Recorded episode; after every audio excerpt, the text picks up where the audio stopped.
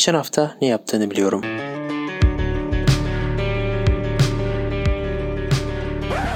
Emre Yasin Yılmaz, Mert Celil Özdin. Herkese merhabalar. Geçen hafta ne yaptığını biliyorumun yepyeni bölümüyle karşınızdayız. Bugün 16-22 Mayıs 2021 tarihleri arasındaki Türkiye gündemini inceleyeceğiz. Yanımda her zamanki gibi veri uzmanımız, buraların adamı Mert Celil Bey var. Mert'ciğim hoş geldin, nasılsın? Hoş bulduk Emre. Geçen hafta ne yaptın? Bu sefer çok sert girdi konuya. Geçen hafta ne yaptım?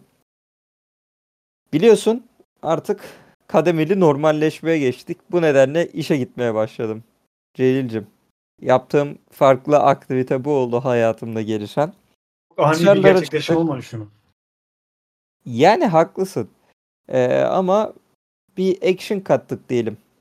Bunun dışında çok farklı bir şey olmadı. İşe gittim, geldim, dışarı çıktım, basketler oynadım. Yine buralara gittim, bunu yaptım gibi bir şey anlatamayacağım sana. Sen ne yaptın? Benim de basket oynadığım güzel bir gün var. 19 Mayıs. Aceleye geldi diye herhalde tatil olmadı ve çok Aa, evet, bak değerlendirdik. 19 Mayıs'ta dışarı çıktım mesela. Evet, gezdim o gün. Mesela geçen haftaki bayram tatilinin ardından bu hafta çalıştım diyebiliriz. Tabii çarşamba günü tatildi onu saymazsak. Bu arada haftada 4 gün çalışmak ne kadar güzelmiş fark ettin mi? Yani öyle olmalı gerek. Öyle olması gerek. Normalde Türkiye şartlarında 6 gün olduğu için çalışma. Maalesef. Yani bence 4 gün ideal şu zaman için. Hele ki teknoloji üretimdeki verimlilik bu kadar arttığı ve artmasının daha da artmasının ihtimalleri çoğaldığı bu günlerde Hı hı. 4 gün kesinlikle tartışılmalı, üzerine konuşulmalı, kafa yorulup karar verilmeli. Kaldı ki bununla alakalı adım atan bazı ülkeleri de biliyoruz. Şu an adları at- aklıma gelmese de Avrupa ülkelerinden bazıları bunu test etmeye başlamışlar. Haftada Evet. 4 gün çalışmayı. Evet. Kuzey Avrupa'da. Destekçisiyiz inşallah. Başarılı olur ve yayılır. Bu arada Bence tekrar de. vurgulayayım. 19 Mayıs tatili o bir gün gerçekten çok değerliydi. Özellikle bu kadar uzun süre evde kaldığımız ve sonrasında kademeli normalleşme içerisinde çalışma gününün olmadığı bir gün olması vesilesiyle tekrar o güzel günü analım. 19 Mayıs Gençlik ve Spor Bayramımız kutlu olsun. Atatürk Anma ve Gençlik Spor Bayramımız kutlu olsun arkadaşlar. Atatürk'ü anma Gençlik ve Spor Bayramımız kutlu olsun arkadaşlar. Bilmeyenleriniz için Atatürk'ün kendisine yöneltilen doğum gününüz ne zaman sorusuna benim doğum günüm 19 Mayıs'tır cevabını vermiş olduğunu da bir rivayet yani bu aslında. Resmi kaydı var mı bilmiyorum. Hiç araştırmadım. Burada bunu da anmış olalım. 19 Mayıs Atatürk'ün de doğum günü bir vesileyle bu Evet. haber vesilesiyle Evet. Bu şekilde de istiyorsan bölümümüze geçelim. 16-22 Mayıs gündemini incelemeye başlayalım seninle. haydi başlayalım. İyi dinlemeler arkadaşlar. Bu haftaki geçen hafta ne yaptığını biliyorumun yeni bölümü başlıyor.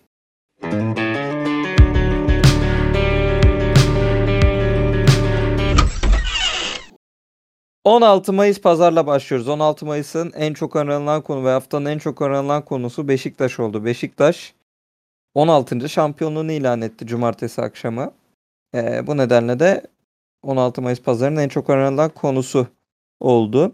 Son haftaya Galatasaray'la aynı puanla girmişti Beşiktaş. Çok büyük bir eee, heyecan vardı Süper Lig'de. Galatasaray'ın Beşiktaş'tan artı 3 gol atması gerekiyordu şampiyon olması için. Yani artı 3 fark yakalaması gerekiyordu gol atması değil de. Eee, Beşiktaş 2-1 yendi. Galatasaray 2 fark atabildi. 3-1 bitti maç yanlış hatırlamıyorsam. Eee, bu sayede de Galatasaray ikinci oldu. Averaj farkıyla Beşiktaş şampiyon oldu. O dakikalarda oynanan başka iki maç daha vardı. Fenerbahçe Kayseri ile oynuyordu. Trabzonspor ise Gençler Birliği ile oynuyordu. Bu maçların önemi e, Kayseri ya da Gençler Birliği küme düşecekti. Bu maçların skorlarına bağlıydı. Gençler Birliği Trabzon'u yenemediği için Gençler Birliği küme düştü ve Süper Lig'in 2020-2021 sezonu tamamlandı Beşiktaş'ın 16. şampiyonluğuyla. İzledin mi maçları? Maçları izlemedim. Zaten geçen hafta bu konuya da bayağı yer vermiştik. adı süper ama kendisi çok da matah olmayan ligimizde nihayet final geldi. Şimdi beklentim inşallah yeni sezonda Yani ben- olan Ben seviyorum ligimizi ama da gerçek seviyesine Ha- ligin düşmesi. Ya şu an Aynen. yalandan bu kadar çok para akıtılıyor ligin içerisinde. Olmayan değeri varmış gibi davranılıyor. Bu umuyorum bu sezon azalır, gerçek seviyesine döner. İnsanlar da gerçek miktarlarda para harcayarak bu ligi takip ederler edeceklerse de. Çünkü tekrar söylüyorum 120 lira Türkiye Ligi'nin edeceği bir fiyat değil. 100 lira da değil. Türkiye Ligi'nin fiyatı bence 20 TL. Tüm maçlar dahil ve içinde Türkiye Futbol Federasyonu birincilikte dahil olmak üzere. Yani o da promosyon olarak verilebilir. sen eee, tüketici açısından yaklaşıyorsun bu konuya da ben bilmiyorum. Senin kadar çok katılmıyorum ama bu zaten ama değerinin olmadığını düşünüyorum bu kadar. Şimdi talep eğer daha az olursa yani talebin kuvveti ne kadar az olursa arzın da kuvvetinde o seviyede düşme bekleriz. Yani bu sefer hiçbir kulüp gidip de Falcao'lara bir sene yatma karşılığında o kadar paralar vermez. Veya bir kulüp gidip de sansasyonel transferler yapıp şampiyonluğu kovalamaz. Bu kulüplerden birincisi Galatasaray, ikincisi Fenerbahçe. Böyle üstü kapalı gibi konuşmayalım. O zaman herkes gerçekçi davranır. Gerçekçi davranmak için gerçekçi şartlar gerekiyor. Doğru. Yani işte Beşiktaş'ın da 16. şampiyonluğuyla sonuçlandı diyelim. Bakalım Beşiktaş Fener'den önce bir 40 gün 40 gece kutlama şeyi vardı yani. Havası vardı. Sen takip Çünkü- edebildin mi kutlamaları? Evet Türkiye Kupası'nı da aldı. Onu da konuşacağız ileride. Türkiye Kupası'nı da aldı Beşiktaş. O yüzden e, 19 Mayıs'ta bir toplu kutlama yaptılar. Bu yüzden uzun sürdü gibi. Anladım. Beşiktaş abi. Fener'den önce bakalım dördüncü yıldızı takabilir mi? O loading tweet'i Fener'in bir gerçekleşmedi. Evet o konular daha da derin. Yani orada Yıldız'dan bir şampiyonlukta gider biraz daha konuşursak. O yüzden ikinci konuya geçebiliriz bence. İçişleri Bakanlığı genelgesi ikinci konumuz. Pazar gününün en çok aranan ikinci konusu 200 binden fazla aratılmış. 30 Nisan'da başlayan tam kapanma bildiğiniz gibi 17 Mayıs'ta sona erdi. İçişleri Bakanlığı bu e, yeni bir kademenin normalleşme planı açıkladı. Bu genelgeye göre hafta sonu yasakları devam ederken hafta içi sokağa çıkma yasağı akşam 21'de başlayacak. Kafe ve restoranlar ise gel al ve paket servise devam edecek. E, 65 yaş al- e, 65 yaş üstünde aşılananlar e, muaf olacak gibi bir şey hatırlıyorum. Biz bül, e, Aposto bültenimizde de verdik zaten genelgenin tamamını. Hayırlı olsun diyelim. Yani e, diyecek başka bir şeyim yok. Umarım normallere döneriz. 10 binin altına da düştü zaten vaka sayısı gü- bu günlerde.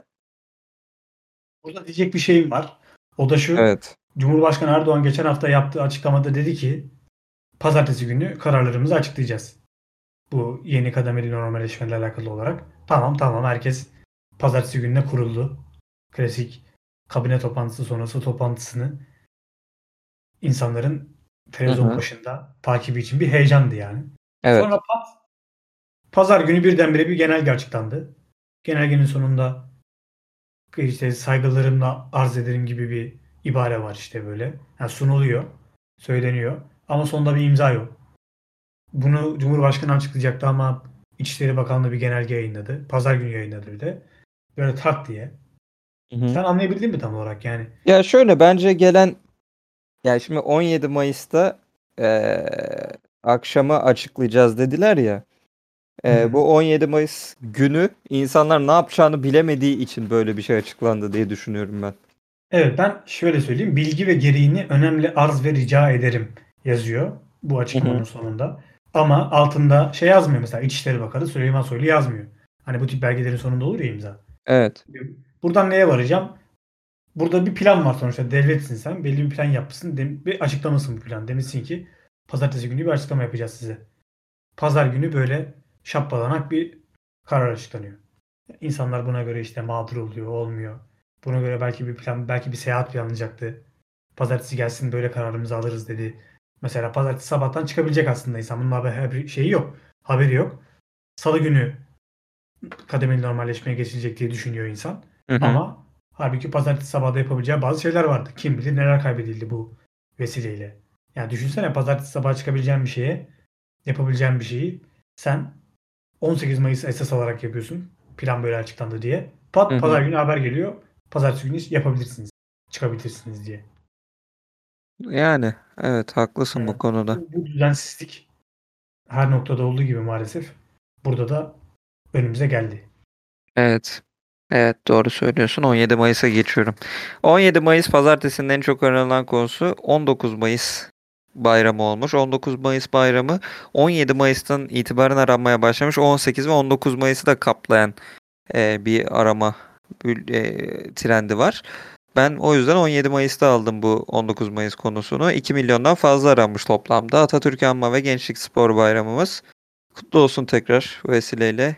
Ee, en azından bu sene sokağa çıkma yasağı olmadan kutladık. İnsanlar bir nefes aldı bu bayramda. Yine kısıtlamalar vardı ama en azından rahatça insanlar sokağa çıkabildi. Dilediğini yapabildi diyeyim Şey ben. ne diyorsun peki? Bu sene 19 Mayıs'ı Sedat Peker'le uğraşmaktan unuttular diye bir açıklama vardı sosyal medyada. Ona ne kadar katılırsın? Mantıklı. Mantıklı. Sedat Peker bu hafta konularımızda yok ama Türkiye'yi sallamaya devam ediyor. Bugün bizim bunu çektiğimiz gün bile yaşanan e, videosuyla, açıklanan videosuyla. Yani Ama- öyle ya da böyle 19 Mayıs'ın tatil kıvamında geçmiş olduğu da ayrı bir mutluluk. Aynen öyle. Yani güzel geçti bence. Güzel bir bayram kutladık. E, 19 Mayıs günü tekrar kutlu olsun diyorum. Gençliğimize yakılır şekilde sporumuza yaptı şey, gençliğe ve spora yakışır şekilde basket oynadık. Evet. Mustafa Kemal Atatürk'ün doğum günü kabul ettiği bugün tekrar kutlu olsun herkese arkadaşlar. Olsun arkadaşlar. Pazartesi günü e, kabine toplantısı sonrası Cumhurbaşkanı Recep Tayyip Erdoğan daha demin söylediğimiz gibi bir basın toplantısı yaptı, açıklama yaptı. Bu açıklamada kademeli normalleşmeden ve esnafa destek paketinden de bahsetti. Esnafa destek konusu 200 binden fazla aratılmış. E, bu konu 200 binden fazla aratılarak neyleri içerdiğini de söyleyeyim. E, 1 milyon 384 binden fazla esnaf ve sanatkarlarımıza 4 milyar 622 milyon liralık kaynağı karşılıksız olarak veriyoruz dedi Cumhurbaşkanı. E, 25 binlik paketler evet. var. onu diyecektim tam. 3 ve bazı sektörlerdeki bazı çalışanlara 3000, bazı çalışanlara, sektörlere 5000 olarak paketleri var. E, bunun da tamamını verdik e, bültenimizde, Aposto bültenimizde tam destek paketini. Yani çok artık iş işten geçti. İnsanlar 2 yıldır çalışamıyor. Milletin çoğunun kirası 3000'den bile fazla. Ne işe yarar bu bilemiyorum. Zaten e, ben takip ettiğim kadarıyla esnaf da çok memnun değil bu destekten. 2 senede 3000 bir kere de 3000 vermek çok bir şey değil. Ben üzülüyorum küçük esnafın duruma en sıkıntısı. İnsanlar ne yapacağını bilemiyor. Kira, fatura ödeyemiyor ve bunların yanında çalışmadan çıkan vergiyi de ödeyemiyor insanlar. Bilmiyorum üzücü sen ne diyorsun? Ya bu devlet tarafında da kayıp, esnaf tarafında da kayıp. Senin şimdi burada vermiş olduğun destek aslında dönüp dolaşıp devlete geri dönüyor. Evet vergi ödüyor insanlar o. Evet. Yani bunu mesela yapan ülkeleri görüyoruz. Bu ülkeler salak mı? Amerika Birleşik Devletleri yani sence hayrına mı dağıtır onlara o parayı? Adamlar ekonomik şey için yapıyor bunu. Hareketlilik için yapıyor mesela.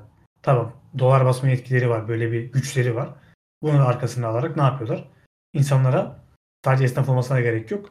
Para dağıtıyorlar. Pandemi yardımı adı altında. Ve Hı hı. bu harcanan para zaten devlete dönüyor. Hani adamlar bunun bilincinde. Şimdi sen musluğu kapatarak aslında iyi bir şey yapmıyorsun. Yani burada bu sefer şey oluyor. Harcama korkuları oluşuyor. İnsanlarda tüketimi sorgulamaya başlıyorlar. Bence devletin en endişelenmesi gereken konuların başında geliyor. Çünkü vergi kaybı demek bu yani. Ama işte bir şekilde başının çaresine baksın halk kafasıyla gidince maalesef bu görüntü ortaya çıkıyor. Tek seferlik 3 bin lira 5 bin lira. Ve o da esnaf ve sanatkarlar başlığı, başlığı altında geliyor. İşte kısa çalışma ödeneği vardı 1100 lira galiba. Hı hı. Öyle hatırlıyorum miktarını. Evet. Ya bunlar komik miktarlar maalesef. Bugünün Türkiye'sine yakışmayan miktarlar.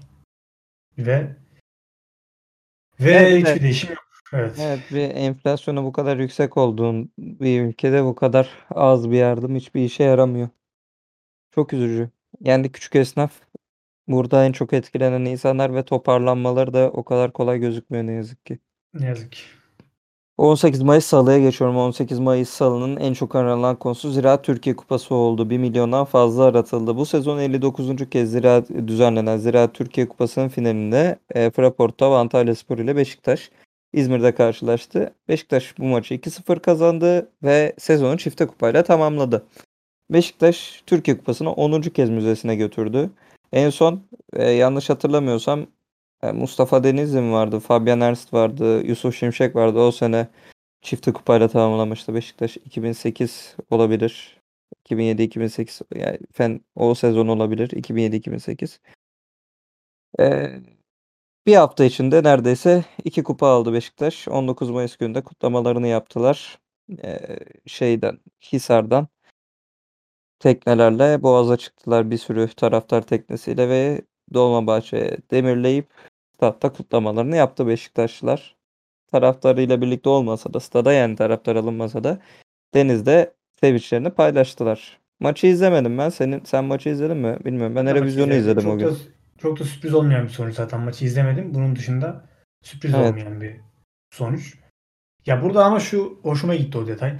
Teknelerle Hisar'dan çıkıp Beşiktaş'a gelmek. Yani bence bu büyük bir lüks ve çok da güzel kullanıyor Beşiktaş bunu. Geçen bir kere daha yapmışlardı bunu. Trabzonlu olunca kıskandın değil mi? Ya biz biz de yapabiliriz aslında. Trabzon da yapabilir. Nasıl yapar? İşte Trabzon'un zaten stadyumu sahilde. Direkt stadyumun dibinde şey var. İşte Karadeniz'de sıkıntı bu işler. Öyle diyorsun Dalgalıdır. ama Türkiye'nin de işte kuruluşunun Karadeniz'den başladığını da sana hatırlatırım. Mustafa Kemal'in 3 günde yapmış olduğu Samsun e, seyahati. Doğru. Tamam. Özür dilerim. Hazır 19 Mayıs hatasındayken bunu da değerlendirelim yani. Evet. Yani Beşiktaş Türkiye Kupası'nı da aldı. Sezon Türkiye'deki sezon böylece tamamlandı. Şimdi gözler Euro 2020'ye çevrildi. Hı, şöyle biraz hani kalite. En azından orada ülkeler bazında olduğu için mecburen bir kaliteden bahsediyoruz. Çünkü büyük kapışma yani bildiğin. Evet. Evet. Camiaları geçmiş bir şey. Yani para, paradan daha ziyade farklı mevzular dönüyor orada. Milliyet kavramı. Evet. Ben de Ya biraz merak ediyorum. ama- Bakalım. Ya çoğu ülkenin de büyük ülkenin de devşirme topçularla işi yürüttüğünü de biliyoruz. Milliyetten de ne kadar bahsedebileceğiz ileride. O da bir merak konusu yani. Tam bu Türkiye'de çok fazla şu an devşirme oyuncu yok herhalde. Ama hatta hiç yok. Senin Evet, hiç yok. isim? Yok. Mehmet bir Aurelio, Kazım vardı. Richards. Colin Başka Kazım yok. var, Mehmet Aurelio. Bir de Mert Nobre vardı. Evet. Küçük zor, biraz zorlama değil miydi sence de onlar ya? Komikti. Ve herkes böyle ben o zaman zaman gazetelerini hatırlıyorum. O zamanlar böyle şey yapmışlardı. Milli takım 11'i. O zaman ligde oynayan ne kadar ünlü yabancı oyuncu varsa hepsini Türk yapmışlar böyle. Lincoln Evet. bile koymuşlardı yani. Komik. Bakalım. Eğlenceli bir turnuva olur umarım. Evet umuyoruz. Covid'de. Hem bu turnuva hem olimpiyat yani insanlar spora doyabilir. Spor organizasyonlarına. Aynen öyle. Geçiyorum. 18 Mayıs salının en çok aranan ikinci konu Starbase olmuş. Starbase 100 binden fazla aranmış. Starbase nedir diyecek olursanız Starbase bir kripto para. Tesla'nın kurucusu ve CEO'su olan Elon Musk Starbase paylaşımı yapıyor. Bu paylaşımla birlikte Starbase coin'i fırlıyor. Uçuşa geçiyor. Ben bu bültenimize fotoğrafını da koydum. Paylaşım yaptı da sadece bir Starbase yazılı bir yer yani böyle. Ee, piyasaları yine manipüle etmiş bizim bu Elon Musk'ımız. Yine herhalde arkadaş ortamında otururken bakın ben bunu nasıl şimdi uçuşa geçireceğim dedi. Keresteler biraz şaşırsın tweet atsın benim hakkımda dedi. Gündem yapsınlar dedi. Attı herhalde. Ben öyle düşünüyorum artık. Starbase coin'i hiç duyulmayan bir coin yine uçuşa geçmiş. Kendisi Ben de görünce sayesinde. aklıma şey geldi. Türk Yeşilçam filmlerinden bir tanesindeydi. Kemal Sunal böyle ya Kemal Sunal ya da filmdeki başka bir karakter ama Kemal Sunal filmi. Dizlerimi ağrıyor diyor. Yani altın burada hesabı. Oraya gidip kazıyorlar.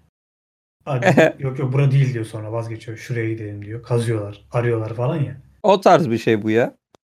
Yani sonra ayağına at nalı galiba batıyordu. Altından bir şey çıkıyor kazıp da. Bu da hani Elon Musk da yani çıldırmış durumda. Kimse de dur demiyor.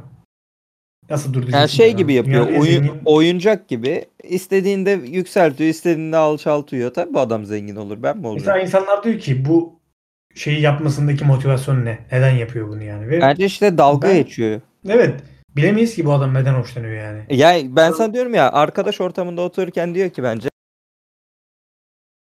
diyor işte e, oğlum söyle bir coin söyle diyor. E, bunu bir uçuşa geçirelim diyor. Birinin söylediği coin'i uçuşa geçiriyor bence. Ya bu ne kadar tehlikeli farkında mısın yani bu şeyler influencer adı altındaki çok kitleye hitap edebilecek insanlar böyle güç ellerine geçirdikleri zaman tek bir sözle piyasayı domine ediyorlar. Yani Yani ma- piyasa- domine etmek değil manipüle ediyorlar. İşte manipülasyonları piyasayı domine ediyor. Evet. Piyasanın üzerinde doğru oldu. geliyorlar. Ve çok değil, çok korkunç bir şey ya aslında. Bu yalan haberin yayılması gibi yani. Çok büyük bir takipçi kitlesine sahip insan dese ki Amerikan başkanı öldü mesela. Bu şaka amaçlı yapılırdı ya eskiden.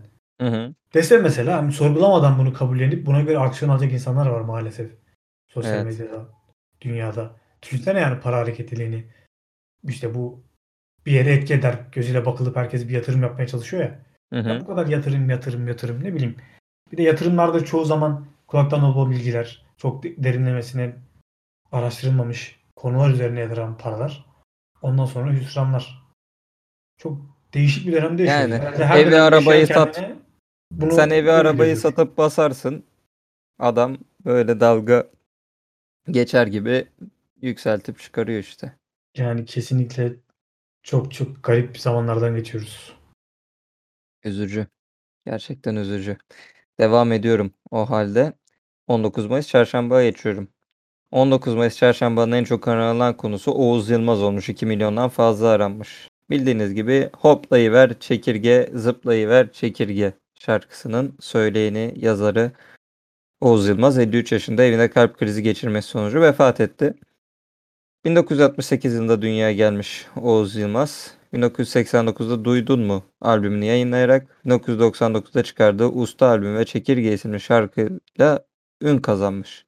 İki çocuk da babası olan Oğuz Yılmaz'a buradan Allah'tan rahmet dileyelim. Hoplayıver. Çekirge'yi herkes bilir herhalde. Evet bak Hoplayıver Çekirge diyerek bence şeyi e, tanıtımını çok iyi bir şekilde yaptın. Kendisinin gerçekten böyle şarkılar bazı isimlerin önüne geçiyor ya. Hı hı. Bu da onlardan bir tanesi. En azından bizim için yani. Sen ben gibi bilmeyen kişiler için. Bunu görünce tabii aklıma çok alakasız bir şey geldi ama şey bu Hoplayıver Çekirge gibi biraz daha Anadolu'dan çıkmış olan şarkılardan bahsettiğimiz zaman böyle ar- artık şey arkalarında yatan anlamla alakalı çok enteresan bir şey okumuştum.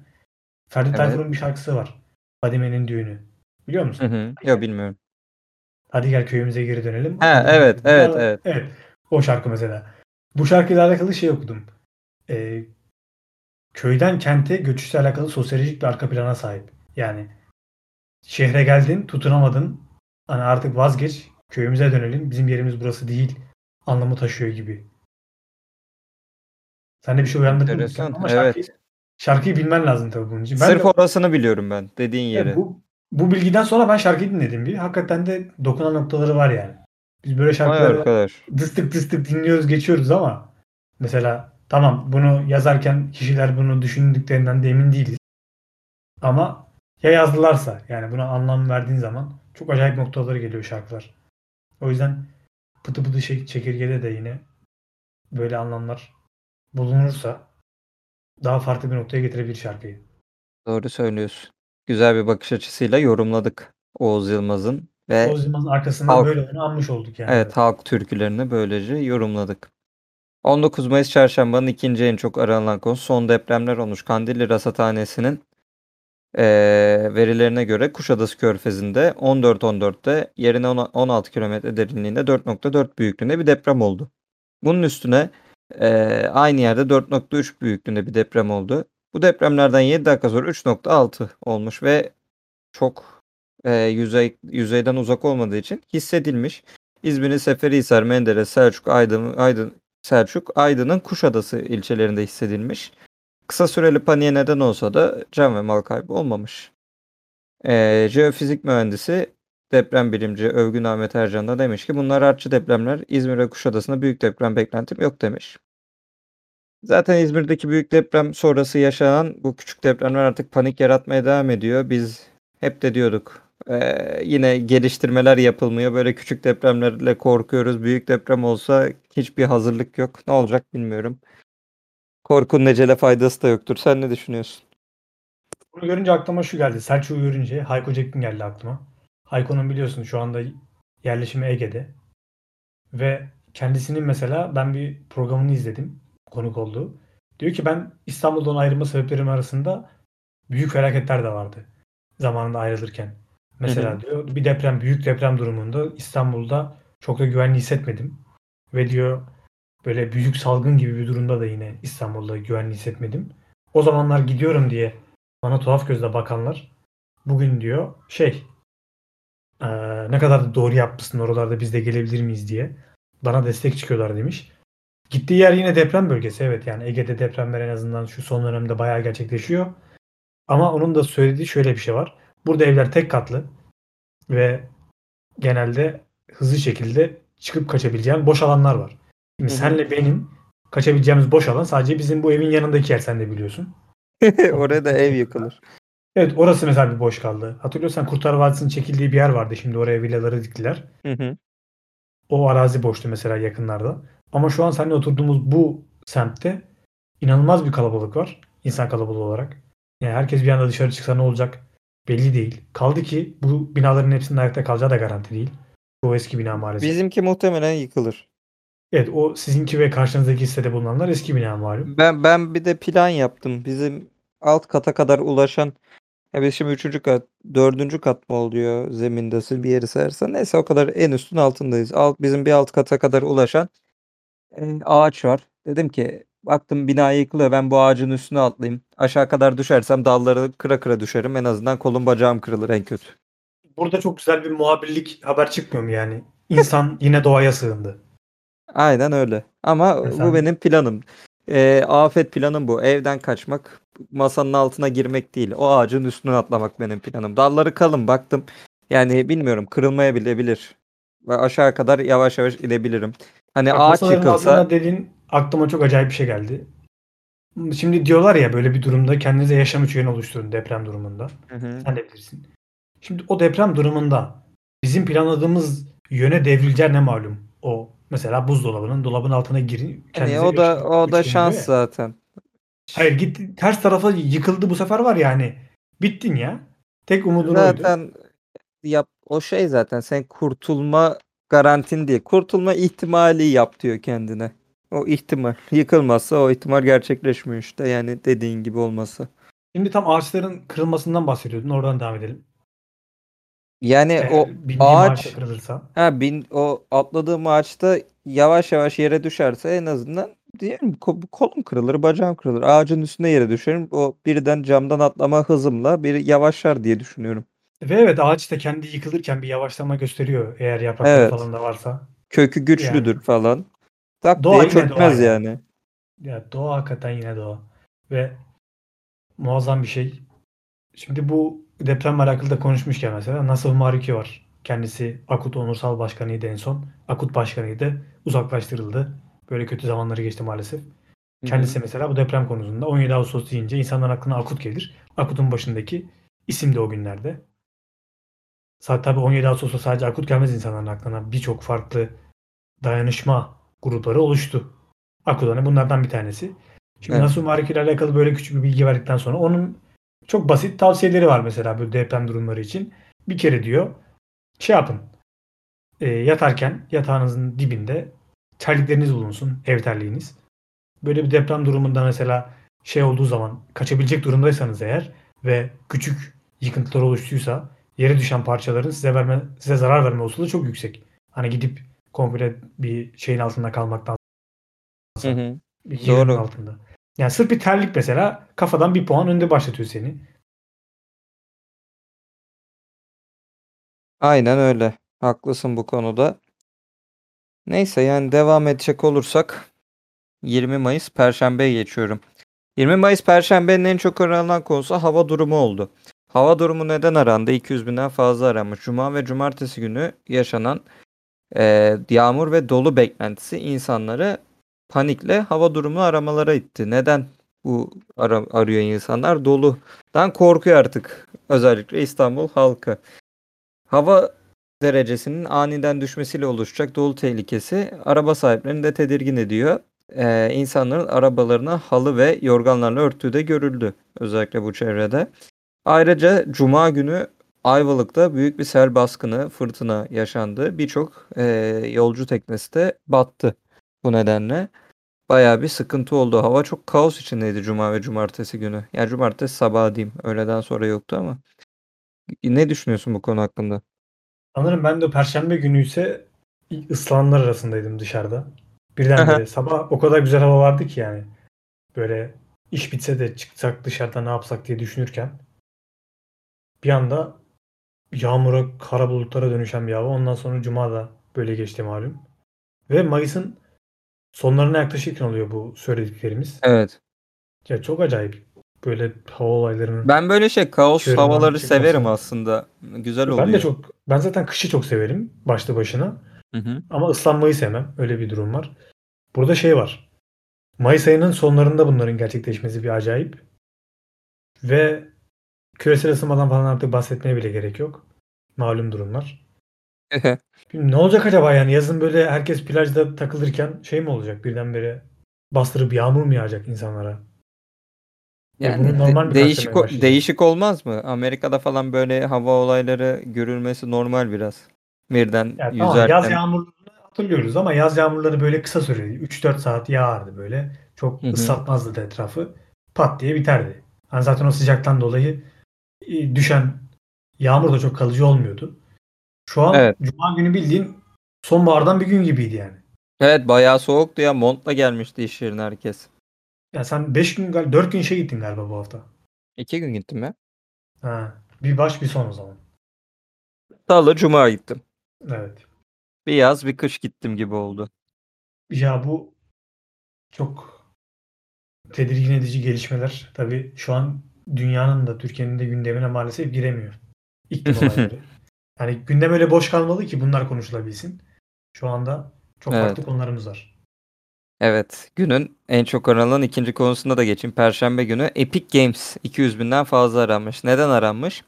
Epic Games. Epic Games nedir diyecek olursanız bilgisayarda oyun indirme mağazası, oyun satan mağazalar gibi gözüken dijital mağaza Steam vardı biliyorsunuz. Steam'in karşısına geçtiğimiz senelerde Epic Games geldi ve Epic Games bomba gibi düşmüştü bu sektöre. Çünkü GTA 5 gibi bir oyunu bedava vererek girmişlerdi bu pazara.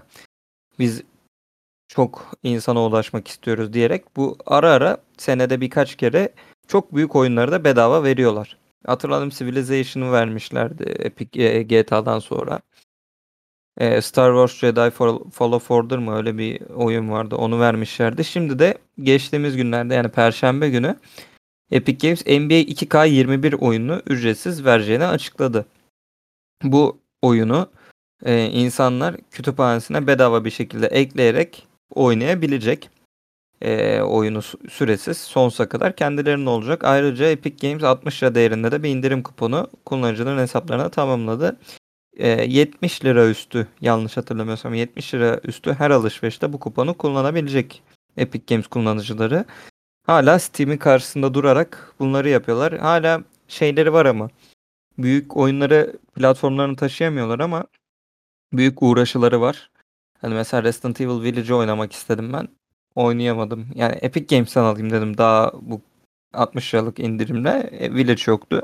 Mecbur Steam'den almak zorunda kalıyorsun böyle durumunda. Hani böyle oyunları taşıyamadılar ama hala uğraşları sürüyor. NBA 2K21 gibi bir oyunu e, burada böyle bedava vermek çok önemli bir durum. Ama şöyle bir durum da var. NBA 2K21 her sene yani benim bildiğim son 3 senedir yılın bu zamanlarında bedava veriliyor. Geçtiğimiz sene bedava verildi. Ondan önceki sene ben 20 liraya aldım. Bu sene de bedava veriliyor. PlayStation'da aldım ben ilk son 2 sene.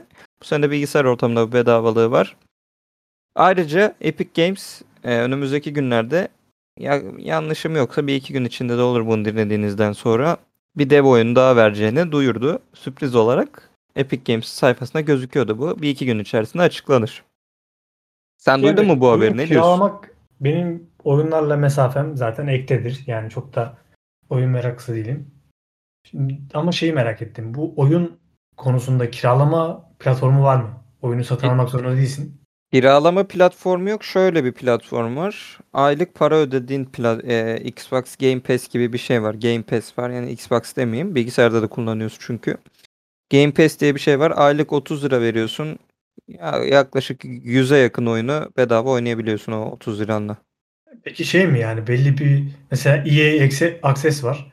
Bu EA Sports'un ve EA'nin Öyle Game Pass'i alırsan EA Access'te sahip oluyorsun. Game Pass daha kapsayıcı bir şey yani. Yani o Microsoft'un Xbox'ın oluyor Game Pass. Ee, EA ile de anlaşma yaptılar. EA'yi sadece tek olarak da alabilirsin istersen. Yine aynı aynı sistem bu aylık para ödeyip oynayabildiğin sistem.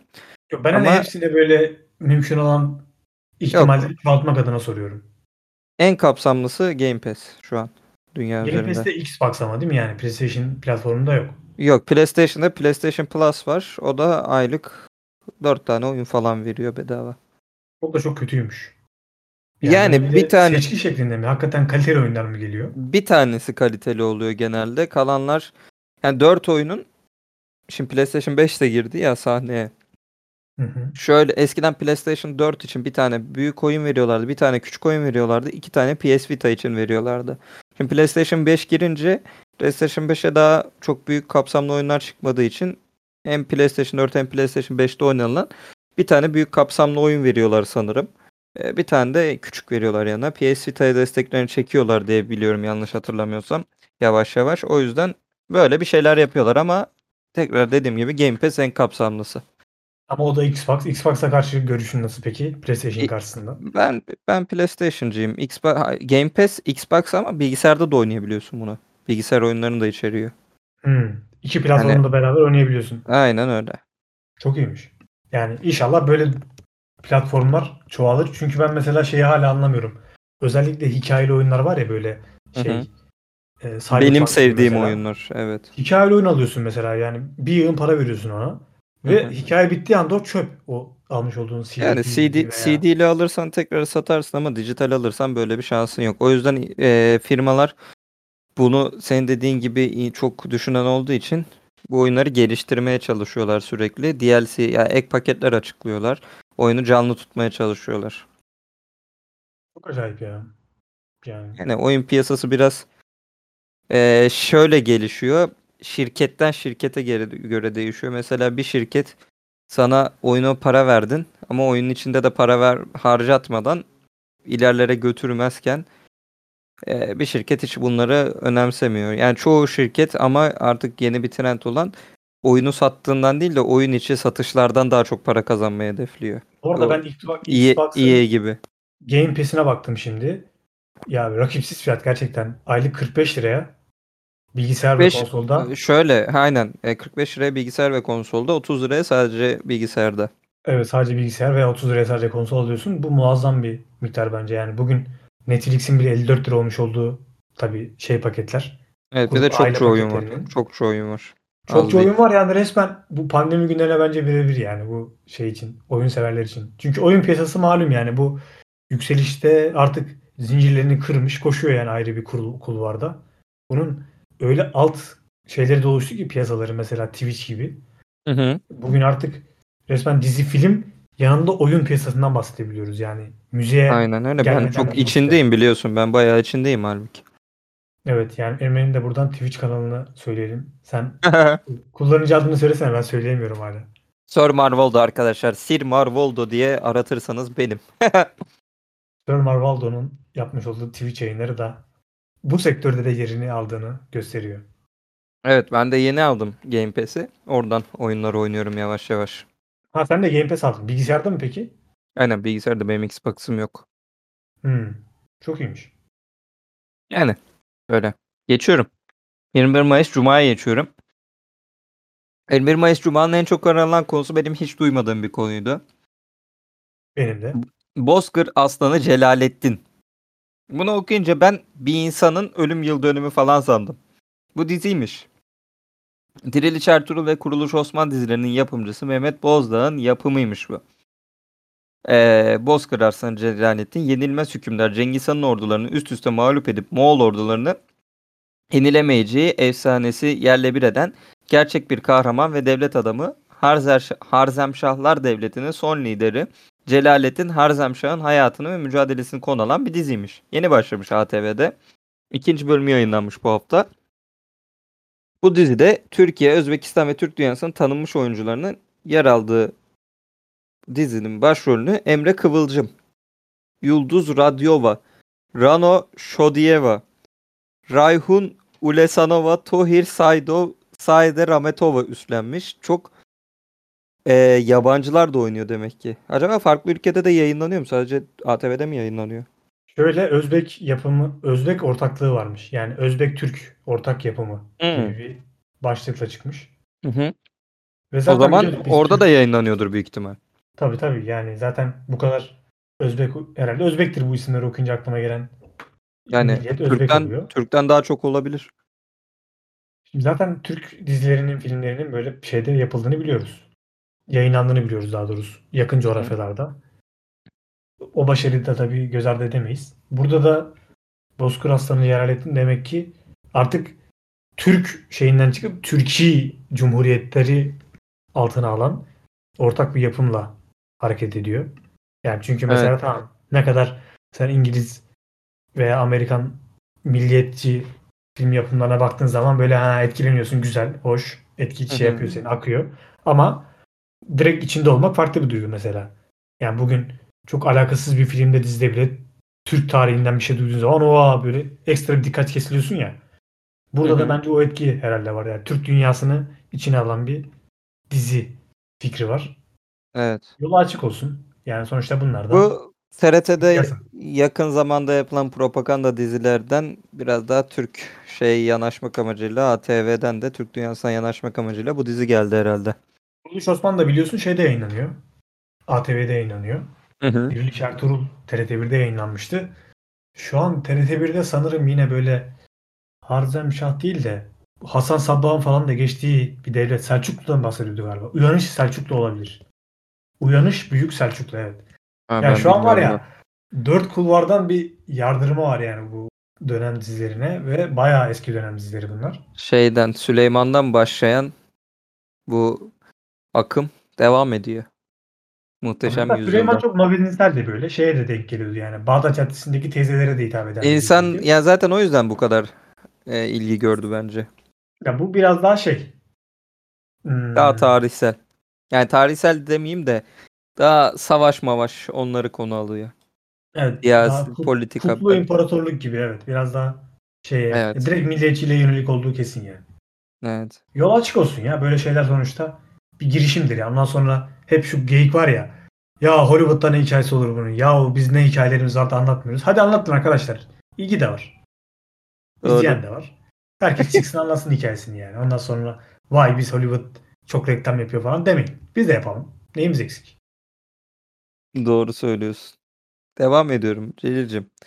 Günün en çok aranan konusu 21 Mayıs Cuma'nın en çok aranan ikinci konusu Musab Turan olmuş. 100 binden fazla aratılmış. Musab Turan kimdir diyecek olursanız bu bir Anadolu Ajansı muhabiri Mustafa Varank ve Bekir Pakdemirli'ye sorduğu soruyla bu gündeme geldi ve zaten bunun sonrasında oluşan olaylarla gündemde kaldı. Ee, Anadolu Ajansı'nda Musab Turan Teknoloji Sanayi ve Teknoloji Bakanı ve Tarım ve Orman Bakanı'na şu soruyu yöneltiyor. Biraz uzun bir soru. Hepsini okuyayım. Çünkü çok e, bence alkışlanası bir soru. Dedi ki Musab Turan. Sayın Bakanım, Anadolu Ajansı Musab Turan. Efendim, son günlerde gündemi meşgul eden konular var. Burada nakro bürokrasi ile ilgili e, iddialar ülkemizi uluslararası arenada zora soktu mu? Hükümetin buna ilişkin bir planı var mı? Pardon, narko bürokrasi. Yanlış söyledim. Ee, hükümetin buna ilişkin bir planı var mı? Ve de 19 yıllık bir toplum hareketi olarak başlayan milletin teveccühünü kazanan AK Parti ismi şaibelerle anılan Süleyman Soylu'dan daha mı küçük? Çarşıda, pazarda, metrobüste çocuklar herkes bunu konuşuyor ama sayın bakanlarımız buna ilişkin tek kelime etmiyor. Sayın Pakdemirli Bakanımıza sorum da Sayın Soylu kabine toplantısında buna ilişkin bir açıklama yaptı mı? Savunma yaptı mı? Savunması sizleri tatmin etti mi? Sayın Bakanım 3,5 yaşında oğlumun yüzüne bakarken bu maskeli balodan dolayı ben utanıyorum. Sizin çocuklarınız yok mu? Vay anasını ne sormuş be. Hakikaten ne sormuş. Ben de bu videoyu ilk gördüğümde şey şüphesi uyandı. Dedim acaba belli bir görüntünün peşine ses mi monte edildi? Yani bakanlar konuşana kadar ben şeydim. Hala izliyorum ama bu soru gerçekten soruldu mu o anda diye bir sorguluyorum. Bunun üstüne eee, Anadolu Ajansı Musab Turan'ın görevine son verdi. Bunu da ekleyeyim. Çünkü çok tepki geldi Cumhurbaşkanı kanadından ve AK Parti kanadından çok tepki geldi. Eee, şöyle diyor. Kendisinin açıklamasını da dinledim. Bu bakanların danışmanı gelmiş şey demiş. Soru sormayın demiş böyle çaktırmadan. Eee, soru sormayın, soru sormayın yapmış. Bu da uyuz olmuş. Biz burada gazeteciyiz zaten. TRT var, Anadolu Ajansı var, ATV var bir şey diyor. Demirören Ajansı var diyor. Kim, kimse soru sormuyor zaten. Biz niye geldik o zaman buraya diye soru sordum diyor. Bunları sordum diyor. Olan oldu sonra da. Yani böyle cesaretli insanları hemen bak sindirdiler, yok ettiler. Adam birden işine son verdiler. Adam ekmeğinden oluyor. Sırf bu e, gerçeklerin konuşulmasını istediği için. Çok üzücü ya.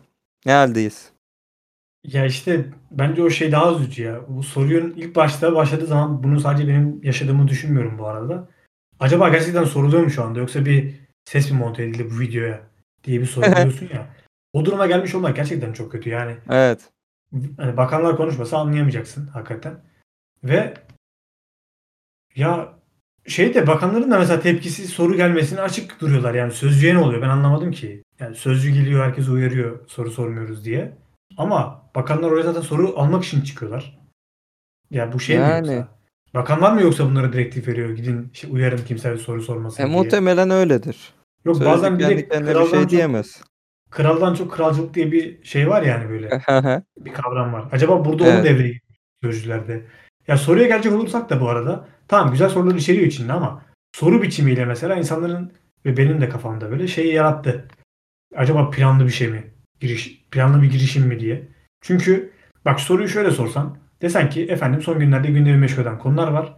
Narko bürokrasiyle ilgili ülkemiz uluslararası arenada zora girdi mi? Hükümetin buna ilişkin bir planı var mı? Bak buraya kadar güzel soru. Sonra ve de 19 yıllık bir toplum hareketi olarak başlayan milletin teveccühünü kazanan AK Parti. Bu cümleyi kuran bir insan gelip de bana tarafsız gazeteciyim demesin. Burada bir taraf, tarafsız gazetecilik diye bir şey yok. Gazeteci bence o soruyu öyle sormaz. Hani o kısmını bu cümleyi okumaz yani. Sonra ismi şaibelerle anılan Süleyman Soylu- Soylu'dan daha mı küçük? Ya bu da yine bir şey. Tarafsız gazeteci çizgisinden uzak bir soru. Süleyman Soylu'dan daha mı küçük? Yani bu biraz hani bir şey hırs arasında sorarsın ya. Böyle Ben şö- şöyle rencide etmek için. aynen bak şöyle diyeyim şöyle bir yorumlar görmüştüm ben bundan sonra. Pelikancılar Süleyman Soylu'yu sildi. Aynen Onların bak. evet, ben adamları- tam bunu okudum yani. Aynen. Bak bu cümle bu kısmını okuma. Zora soktu mu? Virgül. Çarşıda pazarda metrobüste çocuklar. Herkes bunu konuşuyor. Ama hükümet kanadından bir açıklama gelmedi dersin. Sonra Sayın Bakdemirli Bakanımıza sorun. Sayın Soylu kabine toplantısında buna ilişkin bir açıklama yaptı mı? Bitti. Hani buraya kadar tamam. Ama bundan sonra senin duygusal şeylerin yani. Savunma yaptı mı? Savunma sizleri tatmin etti mi? Sayın Bakanım 3,5 yaşında oğlumun yüzüne bakarken bu maskeli balodan dolayı ben utanıyorum. Sizin çocuklarınız yok mu? Şimdi bu şey yani e, bunu mesela muhalefetten bir gazeteci sorsa anlarım. Hani burada da muhalefet iktidar yanlısı yani muhalefetten gazeteci demek de bence kötü bir şey. Çünkü gazeteci muhalefet de olsa iktidar yanlısı da olsa sorularında veya yaptığı işlerde bunu yansıtmaması lazım zaten. Hani tarafsızlık buradan geliyor. Gelmesi gerekiyor.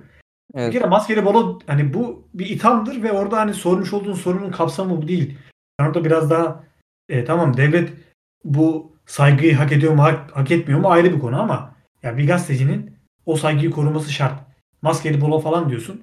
Sonra sorunun cevabı bitiyor. Teşekkür ederim bakanım. Herkes bunu merak ediyor diyorsun yani. Bu maskeli balo falan bu çıkışlar ne oldu birdenbire düştün.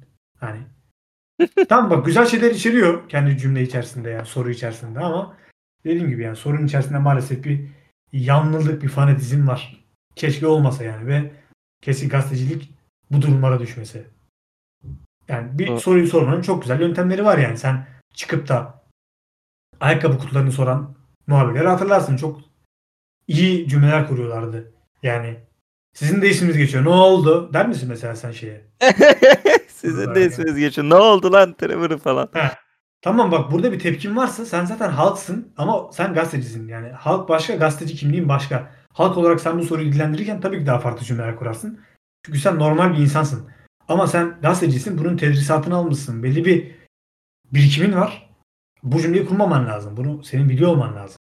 Ondan sonra da e, görevden alınma konusu da şey yapılabilirdi yani.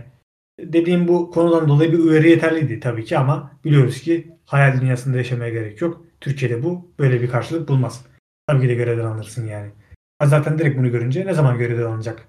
Acaba görevden alınırken böyle bir FETÖ damgası yapıştırılacak mı? Evet Mesela ben de da var. düşündüm onu. Bu FETÖ'cüydü diye. Evet. Ama özetle e, güzel konuları içeriyor. Keşke böyle sorular artsa ama sorularında tabii ki şeyine dikkat etmek lazım.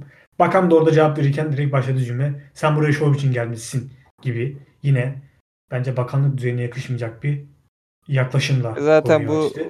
bu düzeye yakışmayacak çok açıklama oldu bu hafta ya. Ya bu düzeye yakışmayacak çok fazla insan da görüyoruz maalesef doğruya doğru. O başka bir konu. Ama burada eee, söyleyebileceğimiz yani bu Musa, Musa Turan'ın özelinde soru güzel şeyler içeriyor ama eee, tarzını geliştirmesi lazım. Hani böyle bir şeyde yorum yapılır ya. Tarzını geliştirmen lazım. Çok güzel noktalara değiniyorsun ama. Evet. Haklısın Mert'cim. O zaman devam ediyorum. 22 Mayıs Devam. Cumartesi. Şeyden de bahsedeceğim. Mesela insanlar siyasette şeyi görmeyi çok sevmeye başladılar. Asıp kesmeyi falan böyle.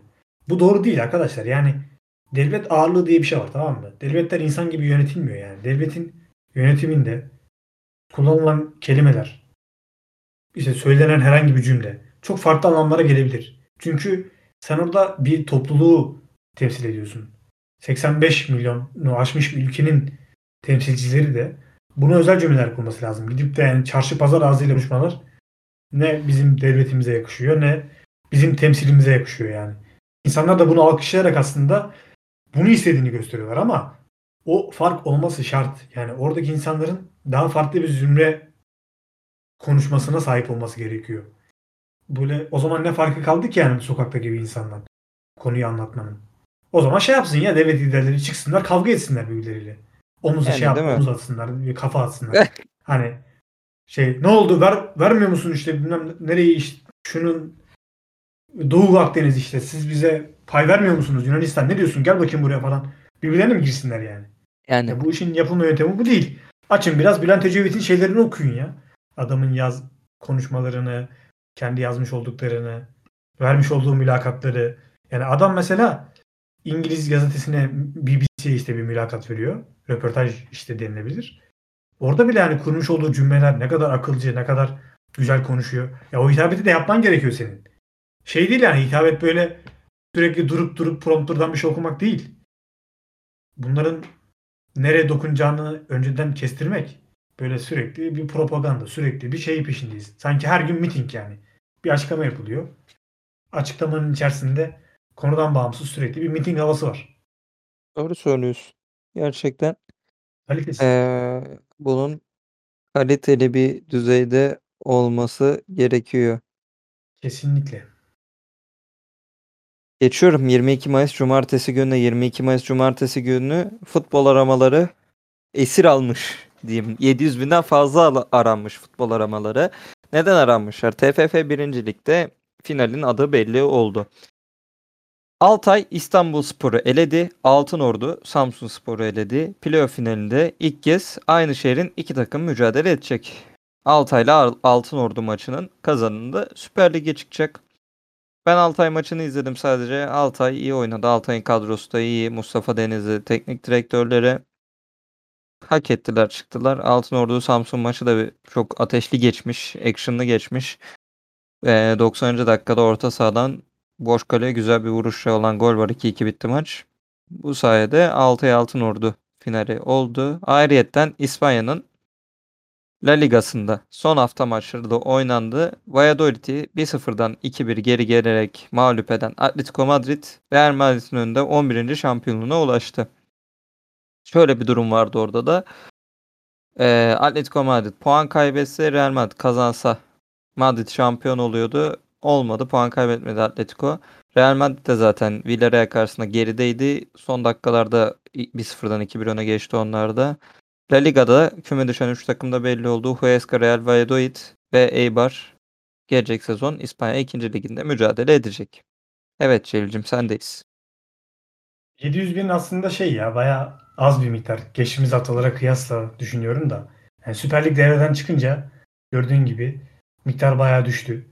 Keşke Süper Lig'de 700 bin seviyelerinde aransa. Yani bu seviyelerde ilgi görse de biz de daha gerekli Evet. şeylerle mi uğraşsak? Daha böyle hak ettiğini mi versek lige? Yani ligle yatıp ligle kalkıyoruz ya böyle. Herhangi bir olay oluyor. Bir maç yüzünden bir maç vesilesiyle diyeyim. İnsanlar her şeyi unutuyor bir anda biliyorsun. Hı hı. Ya burada da işte 700 bin bence ideal. Türkiye Ligi içinde işte 1 milyon belki iyi olur. Da bu kadar da hani yatıp kalkmanın ölüp bitmenin alemi yok. Futbol Yani. şey de güzel Sen- yani. Bu seviyelerde güzel bence. Ondan dışında Altınordu'nun galiba şey açıklaması vardı. Lige çıkmak çıkmak istemiyoruz diye. Çünkü onlar biliyorsun rezerv bir takım yani. Burada yaptıkları şey Yani şöyle bir planları var onların. Bu kadar senede buraya, bu kadar senede buraya çıkacağız. Daha onun önünde gidiyorlar. Hmm, Onu biraz istemiyorlar. öndeyiz diye herhalde istemiyorlar. Ya bana tabii şey sadece bana değil Türkiye genelinde Altınordu'nun bir sempatisi var. Bu reddedilemez. Bir İzmir takımının lige gelecek olması da güzel. Göztepe ligde Evet. kaldı neyse ki. Yani İzmir takımlarının Hı hı. artması. Altay ele gelirse yıllar sonra gerçekleşen bir gerçek. Eskiden ne vardı? Altay vardı. Bir takım daha vardı İzmir'de böyle sürekli yoklayan. Göztepe Karşıyaka var. Karşıyaka evet. Altay Buca Karşıyaka. vardı, Buca vardı. Buca bitti, Buca böyle kapandı. saman alevi gibi evet saman alevi Evet. gibiydi yani.